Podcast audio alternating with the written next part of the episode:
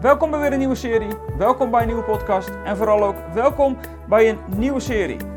We gaan het deze serie hebben over dooddoeners. Je kent dat wel.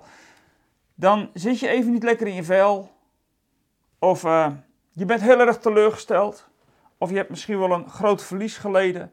En dan zijn er altijd van die fijne mensen, die het nog goed bedoelen ook overigens, die dan van die standaard uitspraken tegen je hebben, dat je denkt van, oh, hier kan ik even helemaal nu niet meer overweg. Van die vaste uitspraken, van die standaard uitspraken van die dooddoeners. Dan is het klaar. En dan moet je eigenlijk ook niet meer zeuren. Dooddoeners, ja, en die dooddoeners zijn dan ook vaak nog, en dat maakt het ingewikkeld en tegelijkertijd uitdagend voor deze serie natuurlijk. Tegelijkertijd zijn die dooddoeners ook nog eens een keer, ja, soms een beetje bijbels. Of misschien wel helemaal bijbels zelfs. Daar gaan we het over hebben in deze serie. En ik ben me heel bewust dat ik met deze serie misschien wel een hele lastige serie ga maken. Maar dat heb ik ervoor over. Mijn naam is Theo de Koning van eindeloosgelukkig.nl. En bij Eindeloos Gelukkig hebben we het grote verlangen dat discipelen, gelovigen, echt volgelingen van Jezus mogen zijn in alles wat ze doen en ook wat ze laten, in wat ze spreken en ook in deze serie maar in waarin ze zwijgen.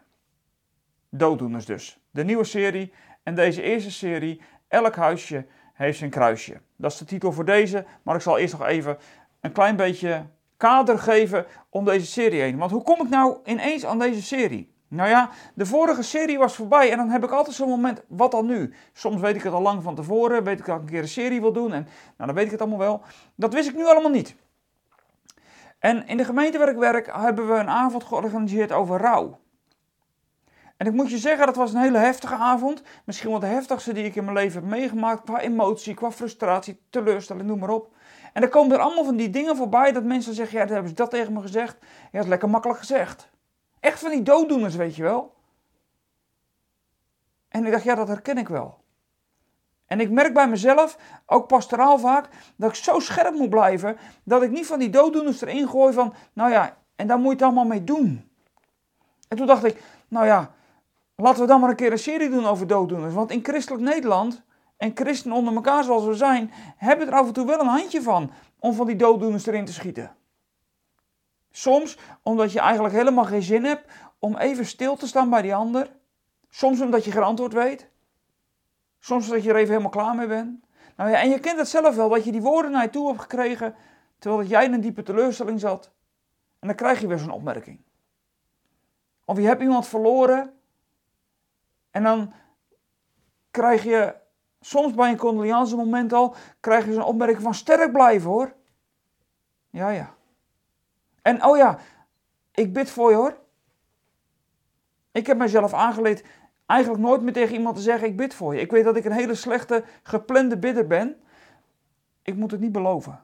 Ik heb het ook soms gewoon teruggekregen. Ja Theo, je zegt altijd maar als het er echt op aankomt. Ik weet dat toen ik net in het Koninkrijk van God begon te werken, toen zei ik altijd van je mag me altijd bellen hoor. Ja.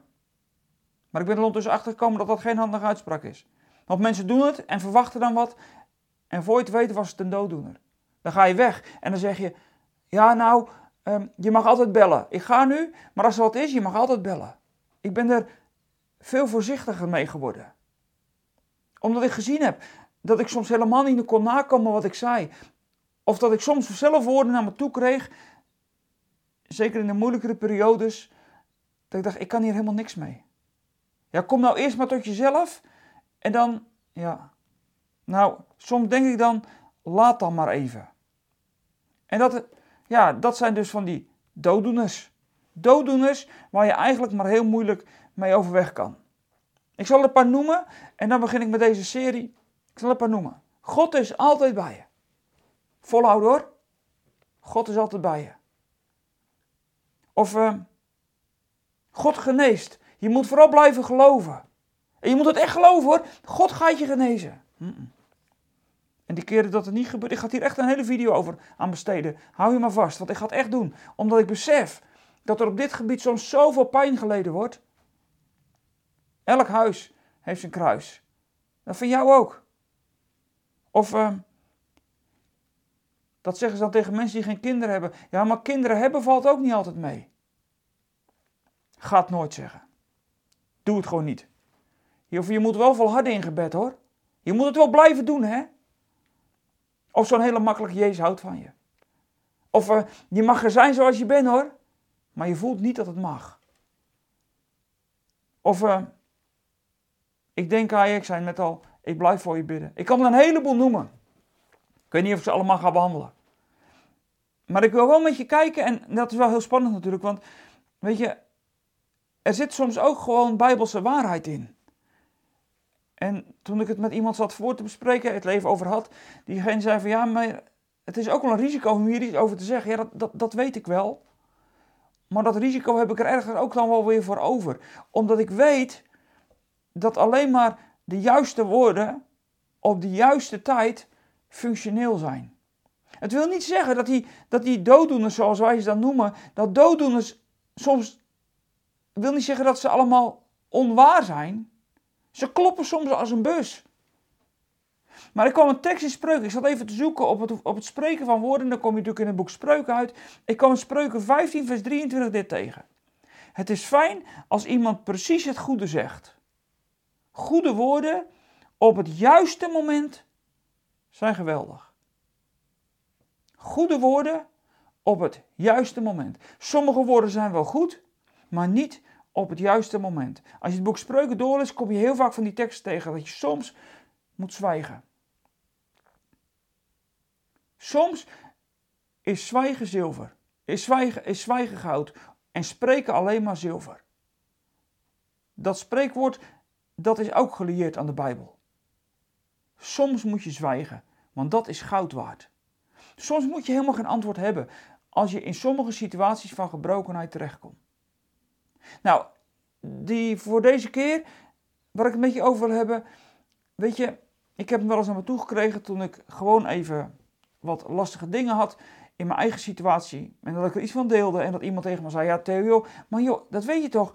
Elk huisje heeft zijn kruisje hoor, ook dat van jou of dat van jullie. Klinkt zo mooi. Is het niet waar dan? Ik weet niet of je mag zeggen en kan zeggen dat ieder huisje zijn kruisje heeft. Ik weet wel zeker dat we allemaal op een, een of andere manier lijden aan de gebrokenheid. Dat is waar. Alleen dat ieder huisje heeft zijn kruisje, de gedachte die erachter ligt, die is eigenlijk dit. Ja, kom op, je moet eigenlijk altijd vrolijk en blij proberen te zijn. Ook als je je kruis moet dragen. Het zit heel erg rond het thema dat je je, eigen, dat je je kruis moet dragen. Elk huisje heeft zijn kruisje heeft te maken met het kruis dat je moet dragen. En tegelijkertijd moet je dan ook maar, tegelijkertijd dat maar gewoon geduldig dragen. En tegelijkertijd ook wel gewoon ontspannen, vrolijk en blij zijn. Het is maar de vraag of die gedachte klopt. Als je zegt dat kruisje wat ieder huisje heeft, als dat met een gebrokenheid te maken heeft, ja, dan heeft iedereen met gebrokenheid te maken. Maar ik weet niet, ik weet wel zeker trouwens van niet, ik weet zeker dat lang niet iedereen die gebrokenheid zo ervaart en dat dat zwaar is. Dat is lang niet altijd zo. Je kunt niet zeggen, ieder huisje heeft zijn kruisje van ja, we hebben allemaal wel wat en het is voor ons allemaal zwaar. Dat is per definitie niet altijd waar. Ga je even terug waar dit allemaal vandaan komt, dan kom je op een opmerkelijk gedeelte terecht. Jezus heeft het namelijk over kruisdragen. Eigenlijk, als je nou je kruis draagt, dat moet je dan maar geduldig doen. Die gedachte, het is maar de vraag of dat we dat met elkaar goed hebben begrepen. Ik lees je een aantal versen uit Marcus 8. Overigens, dit gedeelte komt in alle drie de eerste evangelie voor. Matthäus, Marcus en Lucas. En even voor je voor je kennisvergaring zal ik er dit bij zeggen. Marcus was het eerste evangelie. Matthäus en Lucas hebben het hele Marcus-evangelie op een paar teksten na helemaal gebruikt in hun eigen evangelie en dat vervolgens aangevuld met hun eigen verhalen. Dus de meeste teksten van Marcus kom je ook in Lucas en in Matthäus tegen. En dat geldt ook voor deze. En eigenlijk al die teksten die Marcus belangrijk heeft gevonden, die zie je allemaal dus terugkomen ook in de andere evangeliën. Nou, dan lezen we in uh, Marcus 8 vanaf vers 34 het volgende. En hij riep de menigte samen met de leerlingen bij zich en hij zei: Wie achter mij wil komen, moet zichzelf verloochenen, zijn kruis opnemen en mij volgen. Want ieder die zijn leven wil behouden, zal het verliezen. Maar wie zijn leven verliest omwille van mij en het evangelie, zal het behouden. Wat heeft de mens eraan? De hele wereld te winnen, als dat ten koste gaat van zijn leven. Wat kan hij geven in ruil voor zijn leven? Als iemand zichzelf tegenover de trouweloze en zondige mensen in deze schaamt voor mij en voor mijn woorden, zal de mensenzoon zich ook voor hem schamen terwijl, wanneer hij komt in de gezelschap van de heilige engelen en bekleed met de stralende luister van zijn vader. Jezus zegt dus dat we inderdaad moeten kruis dragen. Alleen dat ieder huisje heeft zijn kruisje en dat maar net jou het gevoel kunnen geven van nou ja, dat lastige van jou, ja, daar moet je eigenlijk niet over zeuren joh, want we hebben allemaal wat. Dat is niet heel bijbels. Ik zal dadelijk nog wel uitleggen dat het helemaal zelfs niet bijbels is. Jezus heeft het namelijk over kruisdragen als, een, als iets wat hoort bij hem volgen. Jezus droeg natuurlijk het echte kruis. En wat betekende het kruis? Het kruis in de Bijbel betekende de absolute dood. Het was een vloekhout, maar als je aan het kruis terecht kwam, dan wist je dat je zou sterven. Dat overleefde je niet. Er waren misschien soorten van doodstraf die nog wat te overleven zouden kunnen zijn, maar de kruisdood, dat was definitief. Als je aan een kruis ging, dan, dan kostte je dat altijd je leven. En dat heeft Jezus voor ons gedaan. Dat heeft Jezus gedaan om uiteindelijk ook de gebrokenheid te overwinnen en de zonde. En dan zegt Jezus, als je achter mij aan wil komen, dan moet jij jouw kruis dragen. Jezus zegt niet, jij moet mijn kruis dragen. Dat kruis van Jezus was uniek. Maar Jezus zegt dan, dan moet jij jouw kruis dragen. Dat is niet ieder huisje heeft zijn kruisje. Dat kruis wat jij moet dragen, is zelfverloochening. Moet zijn kruis opnemen en zichzelf verloochenen. Dat betekent niet tegen jezelf zeggen je bent waardeloos. Dat is het ook niet dus. Want jij bent waardevol. Maar het betekent wel, jouzelf verloochenen, dat betekent jouw, jouw oude bestaan van voordat jij geloofde, jouw bestaan dat gericht is op alles wat jij wil en wat jij wil bereiken en wat jij moet en wat jij je zal, die oude mensen waar Paulus het over heeft in de Romeinenbrief, die moet je kruisigen. Dat is het kruis wat je moet dragen. Dat betekent dat jouw oude ik, jouw oude bestaan, dat die sterft. Het heeft hier dus alles te maken met sterven aan jezelf. Dat moet je beseffen. Jezus gebruikt die woorden die te maken hebben met sterven. Het gaat niet over lijden aan de gebrokenheid, het gaat hier over sterven aan jezelf. Niet meer wat ik wil, maar Heer, wat u wil, dat wil ik doen. We hebben het ook in het Onze Vader over gehad. Dat is waar het hier over gaat. Dus ieder huisje heeft zijn kruisje, dat zegt Jezus niet. Jezus zegt dat jij jezelf moet kruisigen. Jouw ik moet eraan. Zodat jij opstaat in het nieuwe leven. Want Jezus stierf, legde daarmee het oude mens zijn af. Hij die de, die de zonde de wereld inbracht, de eerste Adam. Die werd opgevolgd door de tweede Adam, die ook stierf. En daarmee droeg hij de zonde de wereld ook weer uit. Maar in het sterven van Jezus kwam ook het nieuwe leven bij zijn opstanding. Het nieuwe bestaan, dat, dat wordt op de paasmorgen zichtbaar. En daarom zegt Jezus, jij moet sterven aan jezelf als je het nieuwe leven wilt ontvangen. Als je niet jezelf verlogent, als je uiteindelijk jezelf er niet voor over hebt, dan zul je dat nieuwe leven nooit ontdekken. Dat zegt hij hier door hele duidelijke woorden uit te spreken. Wie zichzelf niet verlogent, die zal zijn leven verliezen. En uiteindelijk, als je jezelf verlogent, je, jouw kruis, jouzelf dus kruisigt, dan sta jij op in het nieuwe leven. Dan ontstaat die nieuwe mens. Dat is wat Jezus hier zegt. Dus je kruisdragen heeft te maken met het afleggen van het oude en het opnemen van het nieuwe. Het leven met Hem, waarin jouw nieuwe mens heilig en volmaakt is voor God. Nou nog even over ieder huisje heeft zijn kruisje. Als je dat betrekt op een hele simpele uitspraak als van ja, kom niet al te moeilijk doen, dan zou je zomaar die ander tegen wie je dit zegt, zomaar aan de kant kunnen zetten met alle gevoelens die hij heeft en met alle pijn en verdriet. En kun je tegen hem zeggen, ja joh, ieder huisje heeft zijn kruisje, kom op, we moeten verder. Niet, niet, niet toppen, niet secundair, kom op, opstaan verder.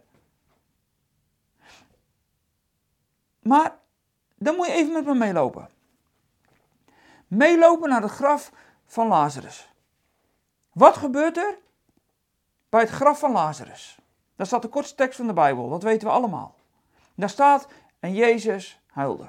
Twee versen, twee woorden bedoel ik. Jezus huilde. Moet je mij uitleggen waarom Jezus huilde? Niet omdat Lazarus gestorven was. Dat kan niet, want Jezus wist al wat hij zou gaan doen. Jezus wist al dat hij hem uit de doden zou opwekken. Waarom huilt Jezus daar dan? Jezus huilt daar helemaal niet vanwege dat Lazarus dood is, want hij gaat hem zo meteen opwekken. Dus daar is hij niet verdrietig over. Maar Jezus, hij lijdt onder de gebrokenheid. Hij ziet dat de dood een feit is.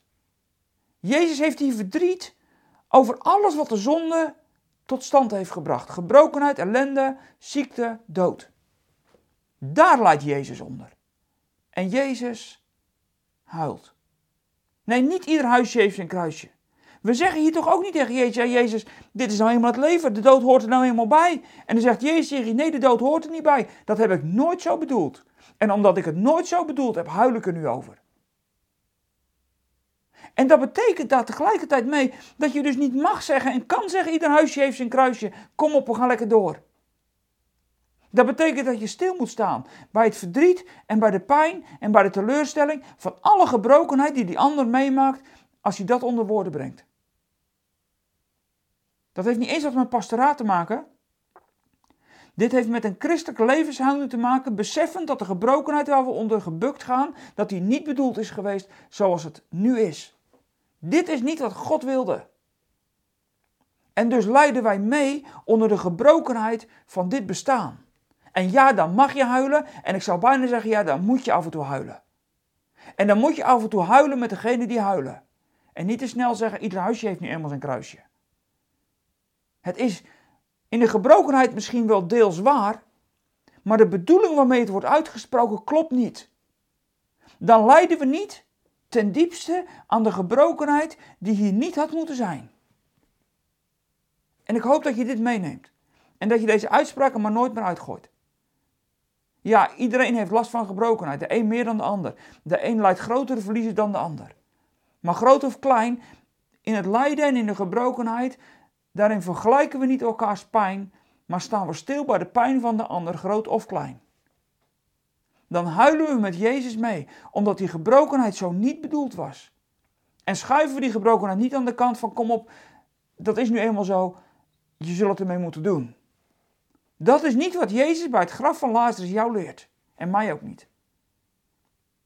En ja, we lijden allemaal. Maar als die ander dat lijden onder woorden brengt en het daar heel moeilijk mee heeft, dan doen we hetzelfde als Jezus.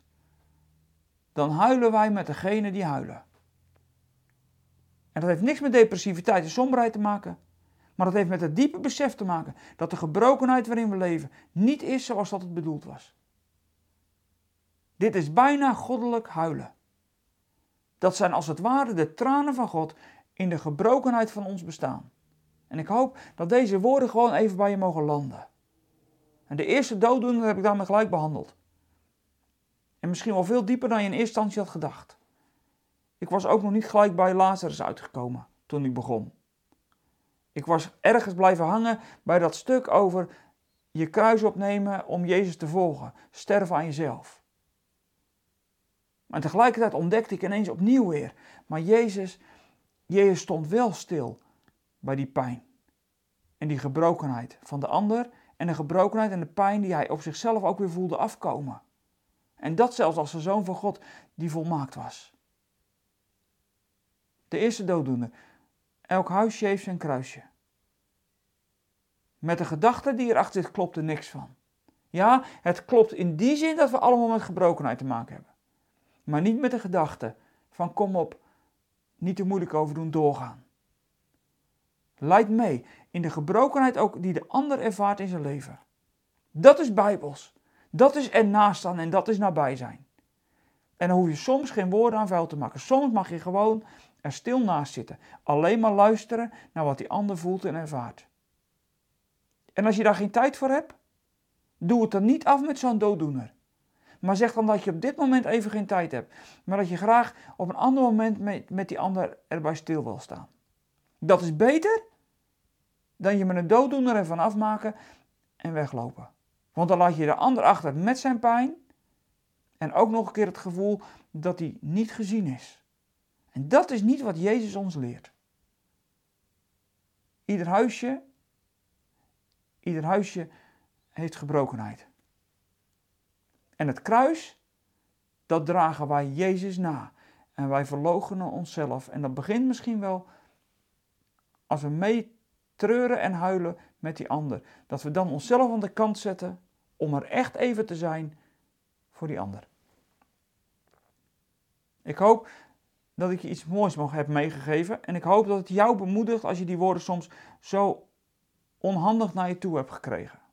En misschien heb je ze zelfs ook wel eens uitgesproken. Ik zou bijna zeggen, als je nog weet tegen wie, vraag diegene maar om vergeving. Maar misschien zit de pijn er nog wel over zulke uitspraken. Goed dat je in ieder geval nu gekeken en geluisterd hebt. En ik zou zeggen, als je deze boodschap belangrijk vindt, dat die dooddoeners ook gehoord worden, ook onder ons, ook onder christelijk Nederland, ook in deze wereld. Dan zou ik zeggen, deel deze video, deel deze podcast. Dat vind ik altijd heel fijn als dat ook gebeurt. Geef even een blauw duimpje als je op YouTube hebt gekeken. Reageer ook rustig in de comments. En als je nog een paar dooddoeners hebt die je ook graag behandeld wil hebben, reageer dan ook even in de comments, want dan kan ik mijn lijstje nog wat groter maken. En ik zou zeggen, als je, als je ons financieel wil steunen, dat vinden we natuurlijk altijd heel fijn. Dankjewel als je dat al doet. En als je dat nog niet doet en je wil het doen, wij staan daar natuurlijk voor open. Want ook bij ons gaan de kosten gewoon door. En dat is met alles wat eh, deze financiële situatie in deze wereld en in ons land ook te. Nou ja, daar hebben wij het ook gewoon. Daar hebben en toe ook mee te dealen en zoeken wij ook een weg in. Als je ons financieel wil steunen, dat vinden we heel fijn. En in ieder geval zeg ik voor nu. Tot volgende week.